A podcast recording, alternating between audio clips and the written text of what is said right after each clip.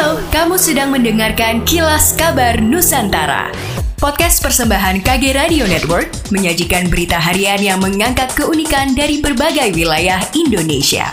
Kilas Kabar Nusantara dapat juga didukung oleh pengiklan loh.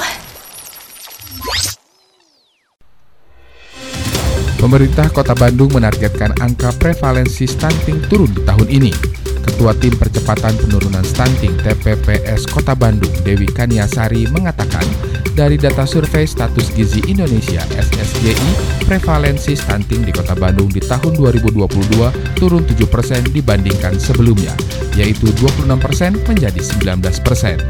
Dan untuk tahun ini, pemerintah Kota Bandung menargetkan prevalensi stunting turun dan menjadi 14 persen. Kania berharap meski target besarnya adalah zero stunting, tapi minimal tidak ada kasus stunting yang baru di tahun ini di Kota Bandung. Pemerintah Kota Bandung melalui Dinas Perdagangan dan Perindustrian bekerjasama dengan Bulog Kota Bandung pada Selasa 14 Februari menggelar operasi pasar beras medium dengan total beras yang disediakan sebanyak 300 ton. Kepala Dinas Perdagangan dan Perindustrian Kota Bandung Eli Wasliah mengatakan operasi pasar beras medium ini akan digelar bertahap di 30 kecamatan di Kota Bandung dengan masing-masing lokasi mendapatkan 10 ton beras medium.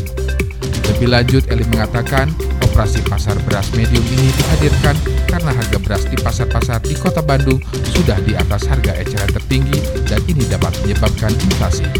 Wali Kota Surabaya Eri Cahyadi mengatakan bahwa stok beras dipastikan tersedia dalam beberapa bulan ke depan oleh PD Pasar Surya dengan nominal harga yang sama dengan saat pengambilan di gudang Bulog karena Pemkot juga memfasilitasi atau memberi subsidi sarana transportasi pengambilan beras Bulog ke pedagang. Eri juga mengungkapkan jika saat ini stok minyak kita melimpah untuk beberapa bulan ke depan dengan harga jual pedagang maksimal Rp14.000 sesuai dengan harga eceran tertinggi, sementara harga cabai rawit dan bawang merah disebut mengalami kenaikan sehingga Pemkot akan mengambil langsung hasil panen dari petani di Nganjuk hingga proses distribusi menggunakan armada milik Pemkot Surabaya.